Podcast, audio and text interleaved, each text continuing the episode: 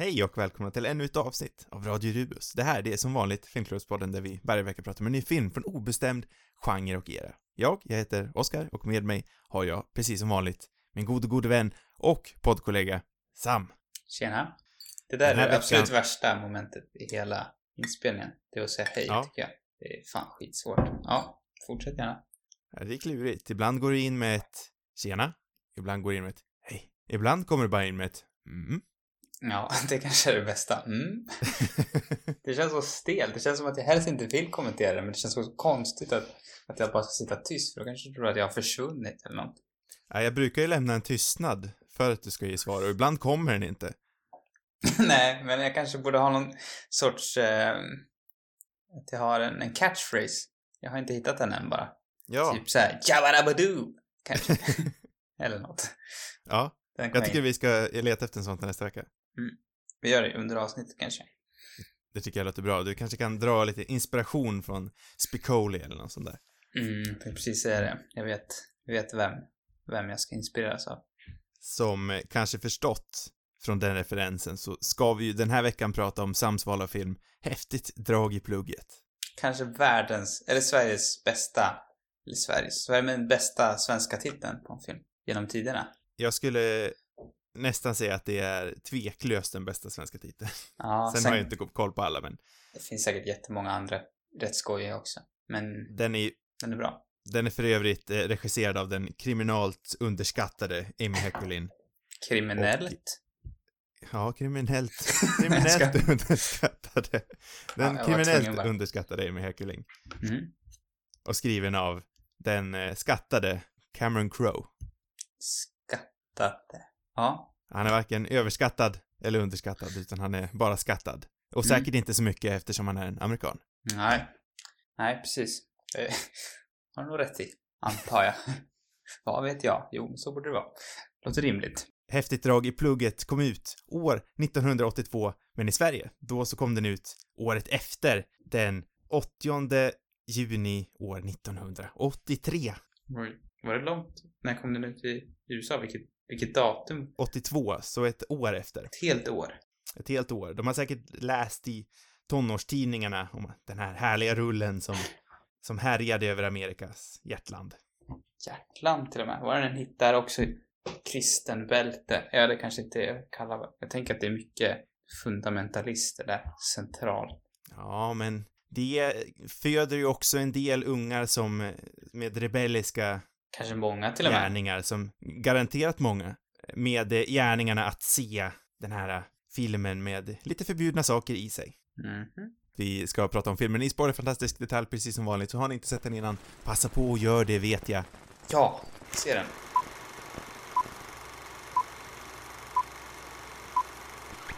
Nu är det dags för mig att översätta eh, IMDB-beskrivningen lite slarvigt.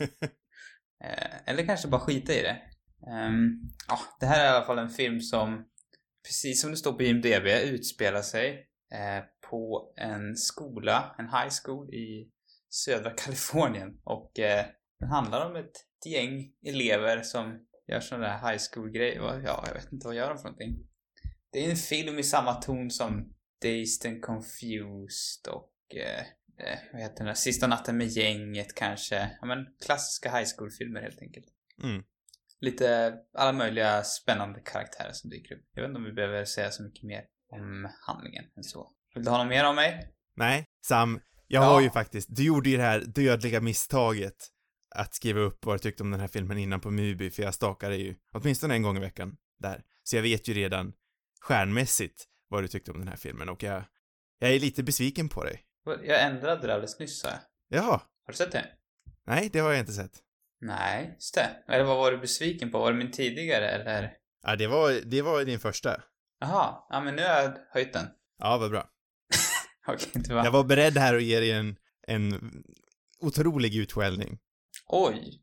Ja. Jag tycker att det här är den tveklöst bästa amerikanska high school-komedin. Ja men den växte ju mer jag tänkte på det.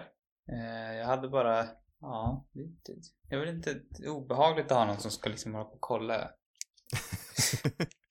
Det var inte så att jag, jag gav den en trea av fem. Det är väl inte ett dåligt betyg? Det är väl inte ett bra? Det Om väl man bra? pratar om häftigt drag i plugget ja. så är en trea på tok för lite. Men jag ändrade det sen till en fyra. Ja, en fyra, det är acceptabelt. Vissa kanske tycker att det är på tok för mycket också. Ja, det är, då, då ska jag gå och ha, ha ett strängt samtal med dem. Ringa på rektorn. Det är en femma för dig alltså?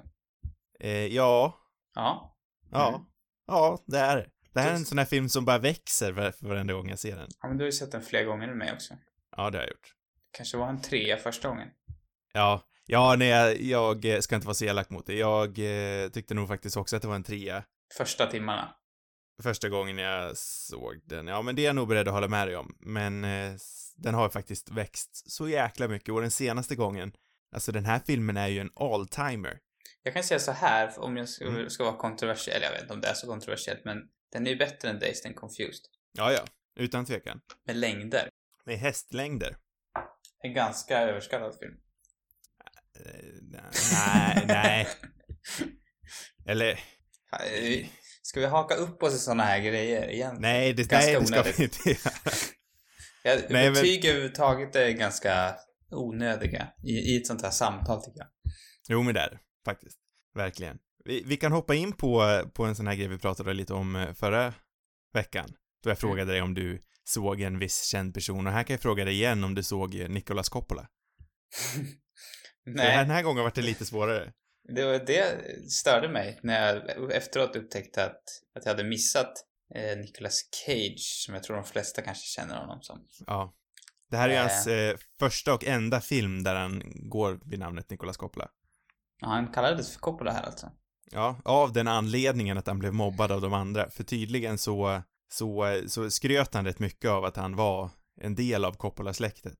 Mm. Och till slut så blev väl de andra i rollistan så pass less på han så att han eh, böt senare sitt namn till Nick Cage. Var, det där det började? Var det där han... Ja, det, är, ju- det är så de säger va? Sen om det Oj. stämmer, det är svårt att säga men Vilken legendarisk historia ändå som liksom... ja. Ja, det finns ju mer detaljer i det här. Eh, från början så skulle han haft en annan, en helt annan roll, en mycket större roll. Mm. Men det visade sig ju att den jäveln, han hade smugit in här som minderårig. Han var ju blott 17 år gammal. Hade ljugit om sin ålder. Ja, så när produ- produktionen fick reda på det här då så kastade de ju ner han i rollen som någons kompis och han syns bara i någon sekund i bakgrunden typ. Det är ett Mm. under att han ens får en, en credit i eftertexterna tycker jag. Mm, ja då, jag kollade väl kanske bort just den sekunden för att Ja, jag såg honom inte. nej. Någon annan som... Eh, det finns ju många roliga här. Eller så Forrest Whitaker tänkte man ju. Mm. Han har ju lite större roll i alla fall. Inte för att han säger Ja, han så mycket men... Han har ju en replik va? Eller är det ännu mer? eh, ja, jag räknade dem inte. Eller jo, han har mer än en replik, det har han. Men det är inte många. Ja, det var ändå roligt. Han är ju eh, onekligen lik sig, måste man ju säga.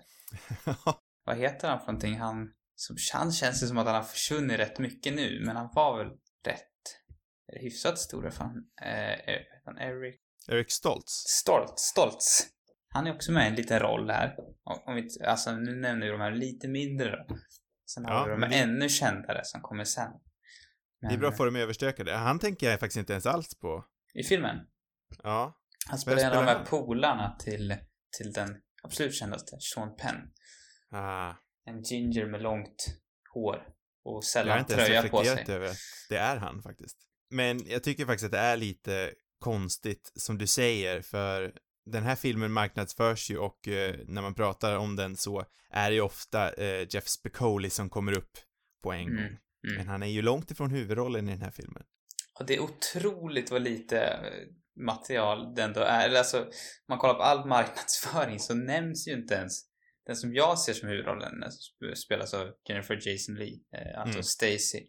Den karaktären är liksom inte med i någon typ av marknadsföring. Kollar man på den här eh, originaltrailern som ligger på YouTube till exempel, så hon är ju med såklart, men eh, märks ni knappt. Och hon är inte med på någon poster, eller ja, kanske på någon poster, men liksom allt om den här filmen, där nämns hon knappt.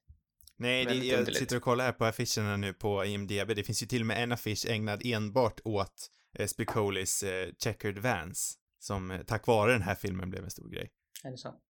Mm. Ja, det, är, han- det är lite skumt. Sen är det ju underbara posters, jag tänker här på den första, då han sitter vid en skolbänk med två, med två tjejer lutade över honom. Och så är taglinen At Ridgemont High, only the rules get busted.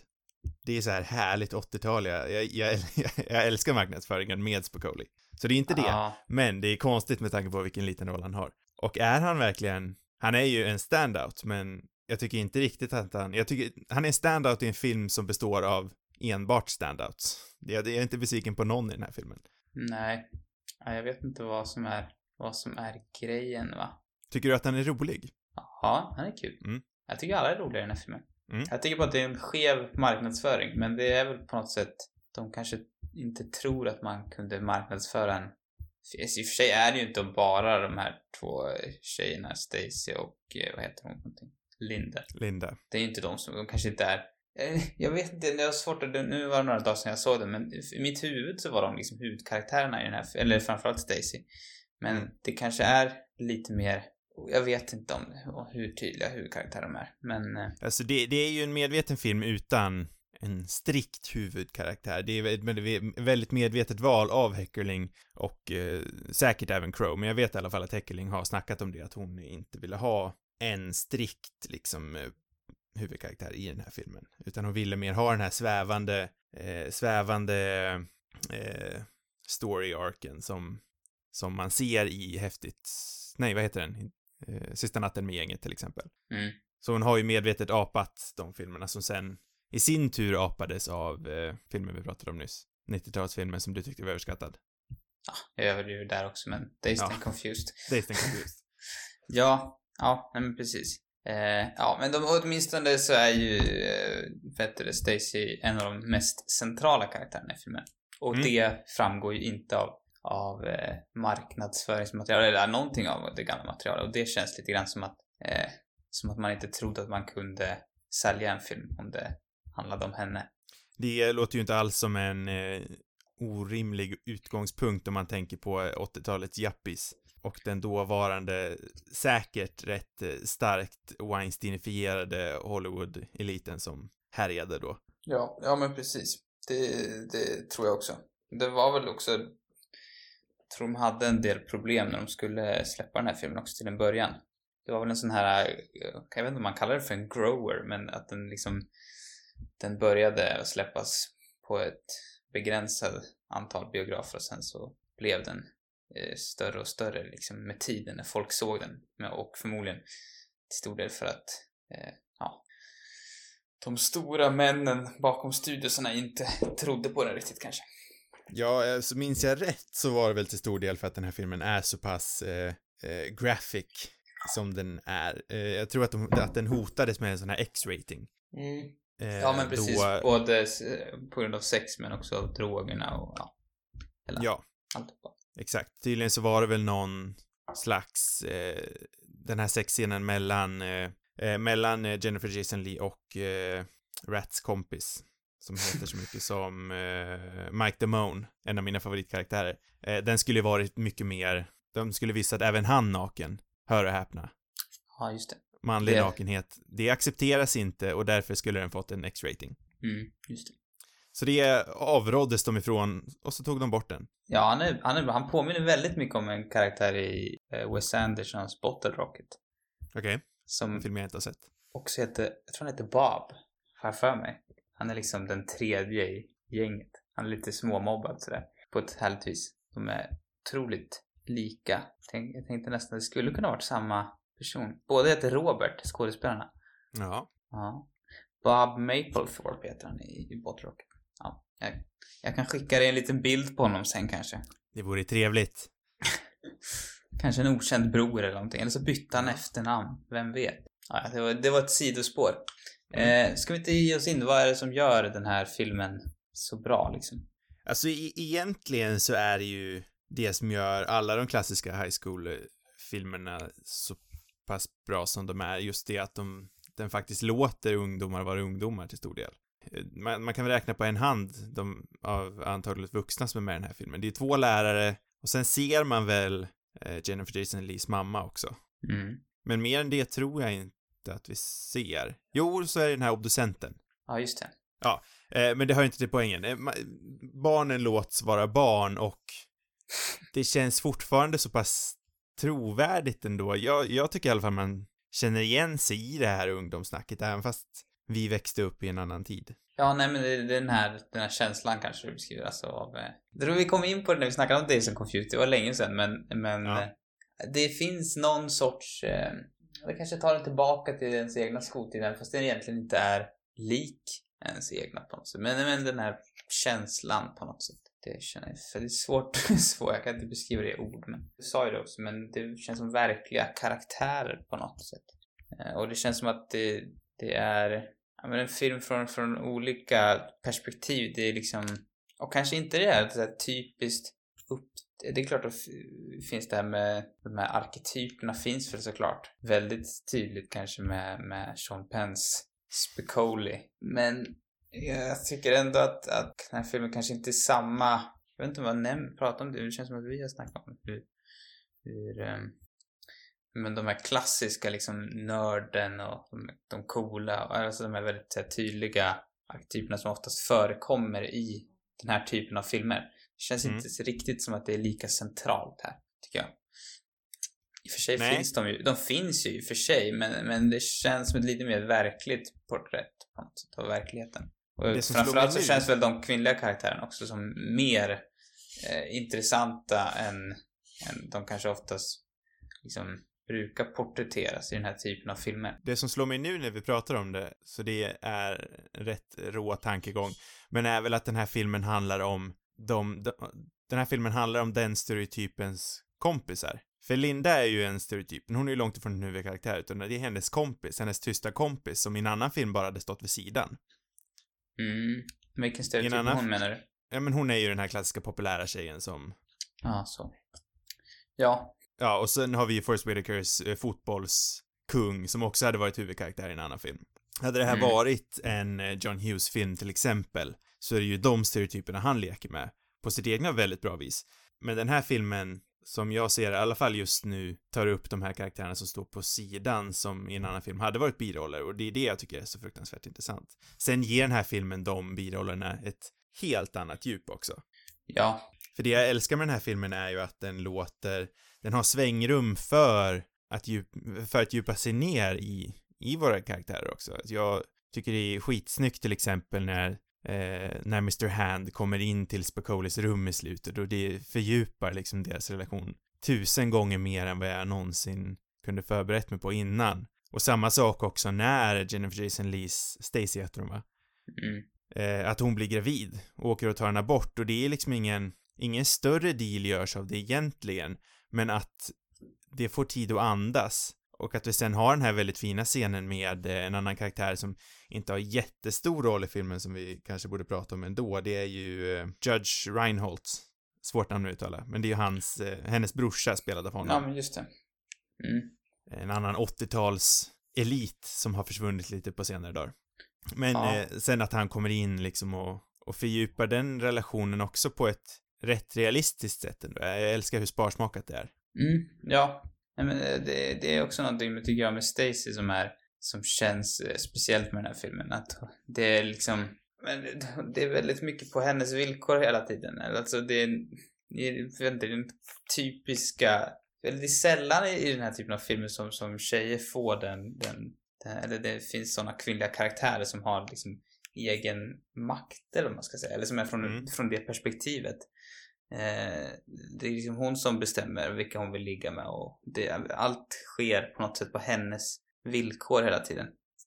Eh, mm. Det känns som en, som en ganska unik karaktär i de här sammanhangen och där tror jag väl att Amy Heckerlings roll som regissör spelar in rätt mycket. Också vänskapen mellan eh, Stacy och Linda är ju väldigt, den påminner ju rätt mycket om i den du nyss, för, förra årets superrulle. Booksmart. Booksmart. Alltså en kvinnlig vänskap som är, som är väldigt positiv på något vis. Oftast, eller ofta i, i många sådana här filmer så är det kanske att man på något sätt bråkar om, om samma kille eller det är någonting väldigt sådär, det, där, det klassiska. Här är det mer att de eh, ja, men kanske mer samma mån som, som manliga karaktärer som kanske stöttar varandra och, och det, de är väldigt det är som en spegling nästan av varandra de här två, eh, eh, vet han, Mike och eh, Mark Ratner, han som vi knappt har nämnt då, som är Mm. förälskad i, i Stacy. Mm. Eh, eh, det är ju Mike som är Marks lite äldre som, som liksom ger honom råd och så här, hur, hur, vad han ska göra. Medan Linda blir Stacys rådgivare lite grann. De, de äldre som kan. Jag, jag tycker den, den speglingen mellan de, de, de vet du, tjejer och killar är, är, är rolig att se och det, det känns rätt fräscht. Också sen att, eh, om vi ska återgå till det här att eh, den här filmen inte riktigt, riktigt går in i de givna klyschorna. Den här filmen börjar ju med att Stacy är ihop med den här, han är en radioförsäljare. Kommer jag ihåg rätt? Han som tar hennes Ja, oskuld är äldre. där i, Ja, hon ligger väl typ bara med honom. Det är någon äldre kille typ. ja men exakt, jag tror Mer att han är en radioförsäljare, eh, som hon ligger med där i någon, eh, ja, en sån här baseball, jag vet inte vad det heter på svenska men, Ja, inte i något heller. slags sidorum där på baseballbanan. Eh, I en annan film så hade det ju varit han som gjorde henne gravid. Mm. Men jag älskar att de tar in den här äh, Mike Damone och uh, Rat, Mark Ratner. Och att de faktiskt sätter in någon slags central konflikt där också. Med att det är så, eh, om, ursäkta uttrycket, men eh, Mike Damone, han är ju en kuk, men han är ju en älskbar kuk. Du kanske älskar honom mer än vad... Han är inte riktigt min favorit, men... Ja, nej, jag, ja, jag fattar vad du menar. Han är ändå rätt älskvärd kuk, kanske. Och jag tycker det är så, så jäkla snyggt dramaturgiskt att han utnyttjar liksom både sin, den här yngre killen som ser upp till han så otroligt mycket och den här andra yngre tjejen som också liksom ser upp till honom för att han är, jag tror väl att han är lite äldre i alla fall. Mm. Och så gör han henne gravid och tar inte ansvaret alls, sticker bara därifrån. Det känns så rätt för den karaktären på något vis, oavsett hur odrägligt det är. Men det är också typ... Det känns ändå inte som att... Eller så, nu är det intresserad av honom, men det känns inte som att han är i någon sorts maktposition ändå. Det, det är liksom... Det är lika pinsamt för honom, eller mer pinsamt för honom, deras sexuella möten också väldigt mycket på hennes initiativ på något sätt. Det känns inte jäm- jämlikt. Ja men han är ju den där som bara är cool i yngre sammanhang. Om han skulle Ja. umgås med någon jämngammal hade ju han varit supertöntig. Ja, och det märker man ju redan tidigt i filmen. Att, om Ja. man ser det från, från andras perspektiv så är inte han någon cooling. Men han, han lyckas liksom med de som är yngre. Det är kanske det som är älsk... Eller det som är lite roligt med honom. För det är ju exakt samma sak med Linda också, när hon går omkring och skryter om sin pojkvän som är mycket, mycket äldre och så fruktansvärt jäkla bra i sängen. Mm. Men man undrar ju om det, det, det är rätt uppenbart att det inte är sant någonting av det hon säger. Det känns, hon talar ju ur otrolig icke-erfarenhet. Det känns som att de bara skryter för att de yngre går på det. Ja, ja säkert. Kanske inte helt bara ljuger. Det känns... Nej, jag tror absolut att hon har en Jag tycker pojkvän. Mike känns mer som en, en bullshittare än, än vad hon gör. Ja, men jag tror att hon är en bullshittare på sitt egna vis, Linda också. Men Ja, sen, så kanske. jag tror absolut att hon har en pojkvän som existerar. Men jag tvivlar på att det är så bra som hon får det att låta. Nej, nej säkert. Vad vet jag? Men jag tycker också att det syns så snyggt sen i eftertexterna. Eller vad vi ska kalla det för. De här där de, där de återföljer vad som hände med våra huvudkaraktärer. Och vad är det det står? Att hon fem år senare har hon ett Ja, hon har något, någon slags konstig relation med sin psykologilärare eller något sånt där. Och eh, det talar så fruktansvärt mycket för vilken sorts karaktär det är, tycker jag. Jag tycker om slutet för Stacy, att de blir, ändå till slut blir tillsammans med den här råttjäveln. Ja, förlåt, nu tänkte jag på eh, Jag trodde jag menade Mike.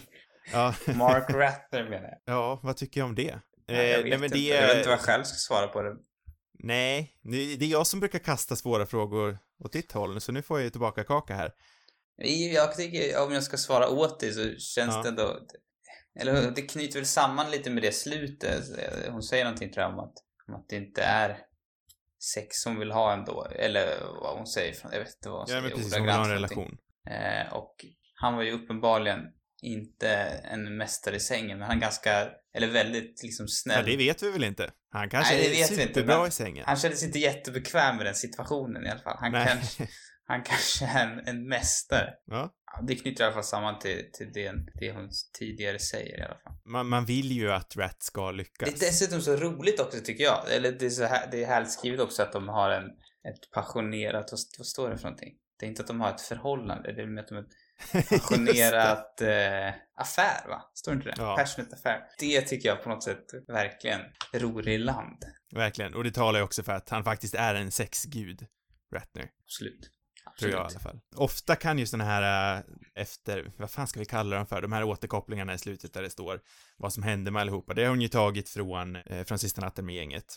Utgår jag från i alla fall. Ja, det kanske, jag vet inte hur, hur det är, men vadå, du menar att det står just sådär med text? Ja, att de liksom? skriver upp, det här hände med den och den, det här hände Ja. med den och den. Eh, det, det första jag kan tänka på är i alla fall att det är taget från den filmen, vilket det säkert är. Åh, så kanske.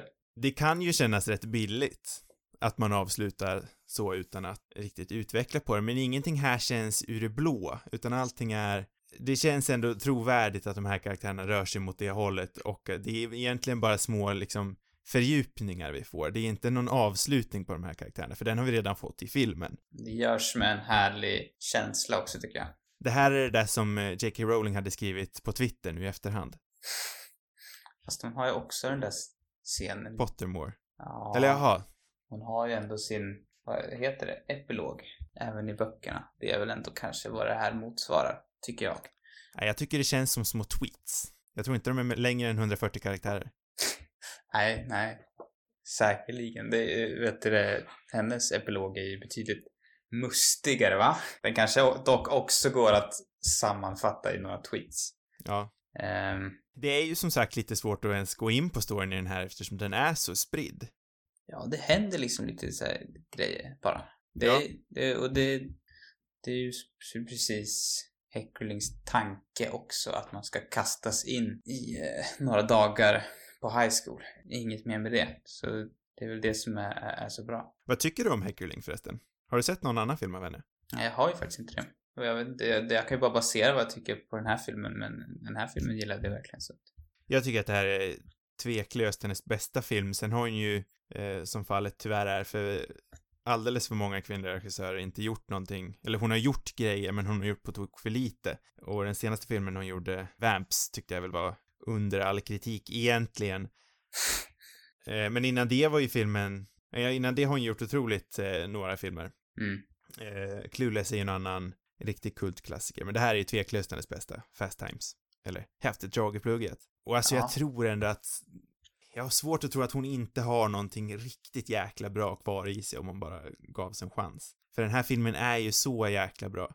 Den är, så här, den är smockad av såna här små detaljer som är så fullkomligt briljanta. Tänk du på den här scenen då eh, Stacy förlorar sin oskuld i den här förnämnda konstiga baseball-sidohus-saken. Ja. Eh, och hon låter liksom kameran, jag tänker att det är få andra regissörer som skulle låta kameran gå som den gör där, att de filmar, filmar graffitin på väggarna till exempel. Mm, just det. Vad står det? Typ nazist någonting. För det är liksom, Ja. det, det, det är det hon tänker på istället Stacy i det ögonblicket, för det är så pass obekväm situation. Och jag, jag tycker verkligen att hon fångar, ja men bara liksom idén att hon plockar upp på de små detaljerna istället för att vara i, i det sexuella ögonblicket va. Talar Mm. så mycket för hur, vilket öga Amy Heckerling har. Jag kan bara instämma. Eller man tycker att hon borde fått göra lite fler såna här filmer. Mm. Eh, Hon har väl säkert mött... Det är konstigt då, eller jag menar, jag vet inte, Clueless måste väl också ha varit en och för sig var hon väl säkert i något sorts Hollywood-fängelse fram tills hon gjorde den också. För hon, var det, hon gjorde väl den där Päron till farsa i Europa. Den tror jag inte var en Just hit det, hon va? har gjort den ja. Jag tror, jag, jag har för mig att hon sa i någon intervju att, att jag vet inte väl, jag har läst någonting om jag tror inte den var någon succé direkt och kanske Den, inte den är rätt vad så jäkla dålig. för heller. kan jag tänka mig. Säkerligen som många andra regissörer hamnat i att man kanske inte vågar något annat än att ta, när man får en sån liksom, chans att göra någonting. Hon pratade väldigt mycket i en annan intervju jag såg i alla fall om att om hur viktigt det var när hon gjorde vet du, Häftigt drag i plugget att den drog in den liksom pengarna alltså, som det skulle. Hon pratade om att det liksom fanns någon sorts mått om att man skulle tjäna in tre gånger så mycket av budgeten. Så hon hade liksom det hela tiden i tankarna att, att, att den skulle göra det. Eh, för att, för att hon visste liksom att om den inte gör det kommer jag inte få fortsätta med det jag verkligen brinner för. Sen så gjorde hon ju faktiskt Titta, han snackar och så Titta, hon snackar också. Eh, Mm. I alla fall den första var ju en, en eh, stor hit och eh, jag för mig den är rätt så bra. Det var, jag har inte sett den sedan jag var liten visserligen, men som barnfilm tyckte jag den var underhållande då. Och sen kom ju Clueless. Kanske har Eh, jobbat 95. mer än man säger. Det kanske, det kanske bara att hennes andra filmer inte har varit lika bra. Hon kanske har gjort mer än man... Det känns på 2000-talet har hon inte gjort så mycket i alla fall. Nej, då har det varit otroligt mycket TV. Ja, och Eh, så men- små... eh, Eller jag vet inte, man har svårt att tänka sig att, att de jobbar. Det är säkert roliga små jobb, men kanske inte med samma passion när man regisserar ett avsnitt här och ett avsnitt där. Liksom. Det är också intressant där tycker jag hur, eh, ja, men hur hon har anpassat efter Crows manus. Eller liksom hur hon har jobbat. Men Det känns som att det finns mycket så här, som hennes tolkning som gör att filmen blir riktigt bra också. Eller jag vet inte, jag kanske har dåligt förtroende för, för Crows originalmanus. Men det känns som att hennes touch på något sätt har, har gjort att den har blivit lite vassare. Det tror jag också. Jag är ju väldigt dåligt insatt i Crows filmografi faktiskt. Jag vet inte, hur många har du sett? Eh, kanske inte har sett. Det, det, känns... Nej, jag, jag vet inte. Vad har, Nej, jag vet inte heller nu när jag tänker, har jag ens sett någon Cameron Jag är så Crowe-film? väldigt bekant med hans namn, men jag tror inte jag har sett någon av hans filmer. Nu måste vi IMDB här, för jag, Jag tror det är för att jag är, jag är ett Emma Stone-fan. Som Ja. du kanske känner till. Och han Det gjorde ju den här Aloha med, Ja. med Emma Stone. Men den filmen såg jag aldrig, för den blev ju så väldigt hånad. jo, Jerry Maguire har jag sett. Jag har sett Vanilla Sky. Alltså, Två filmer jag inte ju- tycker om. Du har ju varit med. Det visar sig att jag är inte ett Cameron Crowe-fan. Nej men det känns som att eh, just, äh, jag tänker framförallt på de kvinnliga karaktärerna. Liksom, eh, det är svårt att tänka mig att inte Heckling har haft en, eller det känns som att hon har haft en ganska så här viktig del där för att göra dem mer trovärdiga och eh, verkliga. Men, men Crow kanske hade det redan i sitt originalskript. Någonting måste ha funnits där. ja, så den är ju baserad på eh, Crowes bok det här som han skrev. Han är väl en, någon slags granskande journalist från minnet. Jag tror väl att Ja han har men skrivit en hel han, del. vänta, han är typ en av de yngsta någonsin som har, som har jobbat åt eh, typ Roll- Rolling Rolling Stone Ja, precis. typ 16 år eller någonting. Ja, hans mest kända film, eh, Almost famous, är väl lite baserad på det.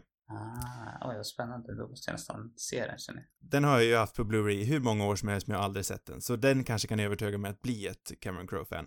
Mm. Men eh, den här filmen är i alla fall eh, baserad på en av hans böcker som också grundar i något slags eh, grävande reportage då han gick undercover som 22-åring eller något sånt där in i eh, en high school-klass. Så han har ju liksom i princip snappat upp verkliga berättelser för Ratners, jag tror att det är Ratner, han är den som har skrivit de här eh, bla bla bla for dummies-böckerna. Mhm. Så han är en riktig men det är antingen Ratner eller Damone, men jag tror att det är Ratner. Vänta, för, Och han- vänta, vad är det för böcker? Det känner jag inte Det finns ju såna här, i USA finns det såna här gula böcker, typ eh, matlagning för dummies, typ. Jaha, och han har skrivit alla dem? Ja, enligt IMDB så har han gjort det. Oj, vad spännande. Ja, Han, ja, han, han känns en intelligent ändå. Ratner, om det är han. eller om det var Damone, någon av de två var det i alla fall. Det bo, jag tycker det borde vara, jag hoppas att det var Ratner. Ja, Det känns ja den rätt. människan vart i alla fall, fast jag vet att den människan inte varit så glad över sin porträttering, så det kanske är Damone. Ja, fast alltså, Ratner är ju inte porträtterad som en cooling direkt. Nej, Men han är väldigt, väldigt mysig.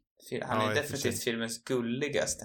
Men jag vet inte om han blir porträtterad som, som filmens gulligaste. nej, nej, alltså Ratner är ju den här karaktären som, eh, ja men han är ju den här eh, killen som är för snäll, som ingen riktigt tänker på. Det vanliga tycker jag på något sätt i, i de här töntkaraktärerna, det är ju också till, i och för sig, det går, det går väl bra för honom i slutändan, men, men han, han misslyckas rätt mycket. Och jag vet inte, han är så här mysigt töntig, kanske mys... Ja men det är lite, man tänker ju lite på, på Jonah Hill eller, inte Jonah Hill kanske, men på Michael Och hans- Cera tänker man ju på en del. Ja, Michael Cera i... Jag är så jävla dålig på att komma ihåg namn på saker när jag pratar om det. Supersugen, heter den. Supersugen. Ja, det är faktiskt en jäkligt bra liknelse. Alla, absolut de här liksom kärleksfulla delarna mellan Sarah och... eh, och eh, ja, nu har jag redan glömt bort namnet. Damone, Mac Damone. nej, nej, nej, nej, nej, Nej. nej. Ännu värre. Jag har redan glömt bort namnet på Sarah. supersugen. nej, nej, Nej, nej. ja, Jonah Hill, Jonah Hill. Jonah Hill. Jag sa hans namn alldeles nyss och nu är det redan borta. Ja, men det är någonting där. Det är väl bara att Mike Damone inte är lika. Fast det är ju också, han är väl lite coolare kanske. Jonah Hill. Ja, för Jonah Hill i den filmen är ju också den här som tror att han är superball, men han är inte det egentligen. Det är ju fan en jäkligt bra ja, jämförelse. I slutändan så vinner jag. Jag tycker nog ändå att, att Ratner vinner gulligaste matchen. Ja, ja, jag håller med dig. Jag älskar också när han ska försöka stå upp för Stacys, ja, när han försöker stå upp för henne där i omklädningsrummet och de ska ha en fight. Hans eh, slagsställning där innan. Den är inte lovande. det känns inte helt lovande innan den här läraren kommer in och eh, säkert räddar livet på honom. Inte för att Mike Damone är så bra fightare heller tror jag. Nej, det är just det som är så roligt. Det kanske, Ratney kanske är en mästare, inte bara i sängen som du tidigare eh, hoppades på. Nej, han kanske också är en mästare på att slåss. Ja. Man minst anar det, eller hur? Det brukar ju vara så. Mm. Det är så de säger. Mm. Mm. Vi var ju också inne lite nu på, för att eh, gå tillbaka, så var vi inne på Cameron Crowes eh, Rolling Stones karriär. Mm. Nu vet jag inte hur mycket han har haft med musiken att göra i den här filmen, utan jag tror snarare att det har eh, med Heckerlings eh, musikval. Ja. Eh, hon är ju jäkligt bra på att få in musik i sina filmer. Det är, Och, eh, det är många i den här också, men det är den enda, alltså många bra på ett härligt vis. Mm. Jag vet inte om du tycker att det är för mycket. Nej, jag tycker inte det. Det här är en av de filmerna som är skitbra på musik. Vilken är din, vilken är din favvo? Det är svårt, det finns så många bra du kan ändå, du kanske har ett säkert kort vilken din favvo, vilket favvo musikmoment du har. Det enda jag kan tänka på nu är ju, är ju den här klassiska scenen då, då Linda kommer ut från poolen och, heter den Fast Cars? Jag tror att låten heter så. Mhm. Min favorit, alltså min favorit är, är i alla fall när, jag tror det är det bästa. Han säger, det är säkert, det måste vara Mike som säger till Ratner att han ska spela eh, Led Zeppelin tror jag i, i bil. Jag vet inte varför, när han ska göra det. Men han gör det i alla fall när de är på den här första dejten, han och Stacy. Den här Cashmere med Led Zeppelin, det tyckte Mm. jag riktigt bra ja, det är ju en, för övrigt en favoritlåt. Den jag pratade om heter Moving in Stereo, men den är, Ah. den är inspelad av The Cars. Aha. Det är också en jäkligt bra låt. Men sen har ju du en av dina favoritartister i den här filmen också. Som också är en av mina favoritartister. Stevie Nicks. Åh. Oj, Ja, den, det kommer på slutet där, hennes låt, tror jag. Mm. Ja, den också. Den på något sätt knyter ihop det här mysiga, drömska 80-talskänslan för mig. Det måste vara en, en Stevie Nicks-låt. Det är liksom Sleeping Angel av Stevie Nicks. kravet. Stevie Nicks är ju, eh, hon, hon är så jäkla bra. Sen jag, jag som är Die Hard eh, Tom Petty-fan också har ju min favoritlåt med de två, som inte har någonting med den här filmen att göra egentligen. Jag vill bara visa Det att jag är ju dock en Tom Petty-låt med här också. Ja, det är det. American, American Girl. Girl. Ja. Jävla bra soundtrack. Ja, för fan tänkte jag inte på American Girl för jag, Stevie Nicks, eller Stevie Nicks, eh, Tom Petty är ju min, jag tror fan att ju längre åren går så blir han nog fan min Ja, favoritartist. där. Oj, till och med mer än Bowie. Ja, jag, Va? jag tror också att Bowie har blivit lite överspelad för mig, för jag har Ah. lyssnat så jäkla hårt på David Bowie. Är det genom- möjligt? Men eh, Tom Petty och Mm. eh, Stevie Nicks Stop Dragging My Heart Around är också en jäkla toppenlåt som inte är med i den här filmen, men jag vill bara visa att jag har koll på min klassiska rock. Den här filmen eh, blev ju, eh, så blev ju den här filmen också kritiserad för att vara översexualiserat dravel av många, eh, av många recensenter där, runt den här tiden. Ja, jag läste att, att Roger Ebert hade skrivit att han till och med tyckte att han var sexistisk i den här. Eh, Mm. vilket jag inte alls håller med om. Det känns som en... Inte för att jag vet om jag själv har någon, någon starkare insikt i det heller, men det känns som att, att han kanske har svårt att förstå sig på kvinnlig sexualitet också. Det är väl det, det, är det som är härligt tycker jag med den här. Eh, och som man kanske missar till en början, men, men jag tycker just att, att den porträtterar kanske inte på det, det finns säkerligen filmer som porträtterar på ett mer, bättre sätt, eh, nyare filmer, men ja, ändå på ett sätt som skiljer sig från tiden som kanske många kritiker inte var riktigt van med heller. Alltså, jag kan ju faktiskt tycka att eh, den här scenen vi pratade om tidigare då, mm, eh, jag glömmer alltid hans namn, även fast jag tycker om hans karaktär så mycket. Mike? I den här scenen då han och eh, Stacy har sex. Jag tror att den scenen hade, hade faktiskt förhöjts mycket mer om han också hade varit naken. För som det är just nu är, det är ju en väldigt obekväm scen och man märker att båda två är väldigt osäkra, men jag tror den hade varit mycket mer rå och ärlig om han också hade varit naken. För som det är Mm. nu är ju faktiskt eh, Stacy onekligen mycket mer blo- blottad än vad han är. Men det här blottandet känns ju ändå nödvändigt, för det ger ju den här råheten och den här osäkerheten. Ja, Och sen har vi ju också Phoebe Cates eh, nakenscen vid poolen som är otroligt rolig. ja, men det är också, eh, också på det sättet gjort som ett, ett hån mot, mot Brad. Det är han man skrattar åt, liksom, i Ja. slutändan. Så att den driver ju mer, den driver ju med objektifiering. Och sen, Ja. Men sen är, har den ju så säkerligen dragit ut i sin, liksom, man plockar man den, en viss bit av den scenen bara så blir det ju verkligen eh, objektifiering. Men, men i sitt kontext är det ju snarare drev med det än det är han Ja. som, det är han man skrattar åt. Den är ju sexualiserad med glimten i ögat. Ja, Sen som du säger, alltså många VHS-entusiaster under 80-talet har ju säkert eh, spelat in den här scenen ur kontext och använt den till andra syften. Men som du säger också i en helhet i filmen så, så tycker jag faktiskt inte alls att, jag tycker inte någon nakenscen i den här filmen är sexistisk. Nej. Och alltså det är ju ungdomar vi snackar om i den här filmen och en stor del av det ungdomar tänker på det är ju faktiskt sex. Så är det. Tror det eller ej, men så är det. Tror det inte. nej. Jag har ju kollat på Sex Education nu på alldeles nyligen. Jag vet inte om du har sett den Mm. serien? Nej, det har jag inte gjort. Eh, inte riktigt klar, men det är ju en riktig höjdare om man vill ha mer serier eller filmer som handlar om ungdomar och sex. Och den, den känns, känns som den har plockat några scener från den här, eh, fast liksom ännu mer då. Men den tycker jag också har en väldigt, på något sätt, jämställd och, ja men det intressant, alltså den känns som kanske nästa nivå på något sätt. Tips. Starkt Tips. Det här blir ju den tredje nakenfilmen, nakenfilmen, det här blir den tredje 80-talsfilmen i rak nu med naket. För jag tänker att många 80-talsfilmer har naket. Men om du känner dig klar så kan jag ju introducera vilken film vi ska se på nästa vecka. Mm. Jag är, jag är klar. För då tänker jag att vi ska avsluta vårt 80-tal, vår 80-talskavalkad med den, Det innebär att jag inte får fortsätta alltså? Är det så? Va? Va? Du säger att du ska avsluta? Jag kanske vill spela vidare på 80-talskavalkaden. jaha, ja, du kan få fortsätta på 80-talskavalkaden Ja. om du vill. Nästa jag del tänker- kanske du bara säger eventuellt den sista, Ja, eller inte, förlåt, vem men vet? jag, jag, jag avbryter i alla fall den pågående trenden.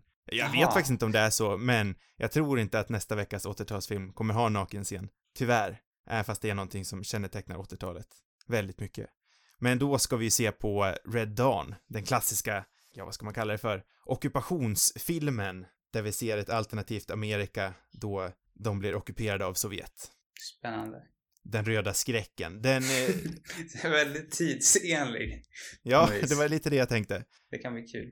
Den finns att se på, den finns att hyra på Microsofts streamingtjänst, heter det Microsoft Store. Jag visste inte ens att den fanns, men det gör den.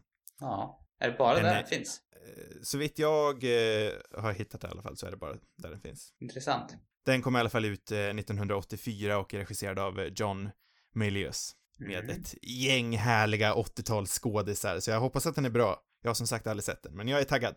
Ja. Låter Sen kan vi lovande. hoppas den kanske till och med fortsätter trenden med naket, det vet vi inte. Men det känns inte riktigt rent spontant som att jag eh, ser hur en nakenscen passar in. Jag hoppas mest på att, att jag kan lyckas följa upp med ännu en härlig 80-talsfilm efter. Ja, jag är taggad på en, en riktig 80-talskavalkad, så fortsätter du blir jag inte besviken. Mm. Eh, Så passa på att se den till nästa vecka. Fler avsnitt och arkiverade avsnitt hittar ni på cinemarubus.com. Nyare avsnitt hittar ni på Apple Podcasts, Spotify eller andra poddappar. Har ni frågor och vill ha svar så skickar ni in dem till cinemarubus@gmail.com. Sociala medier, det har vi också, där cinemarubus på Instagram och Twitter. God natt allihopa.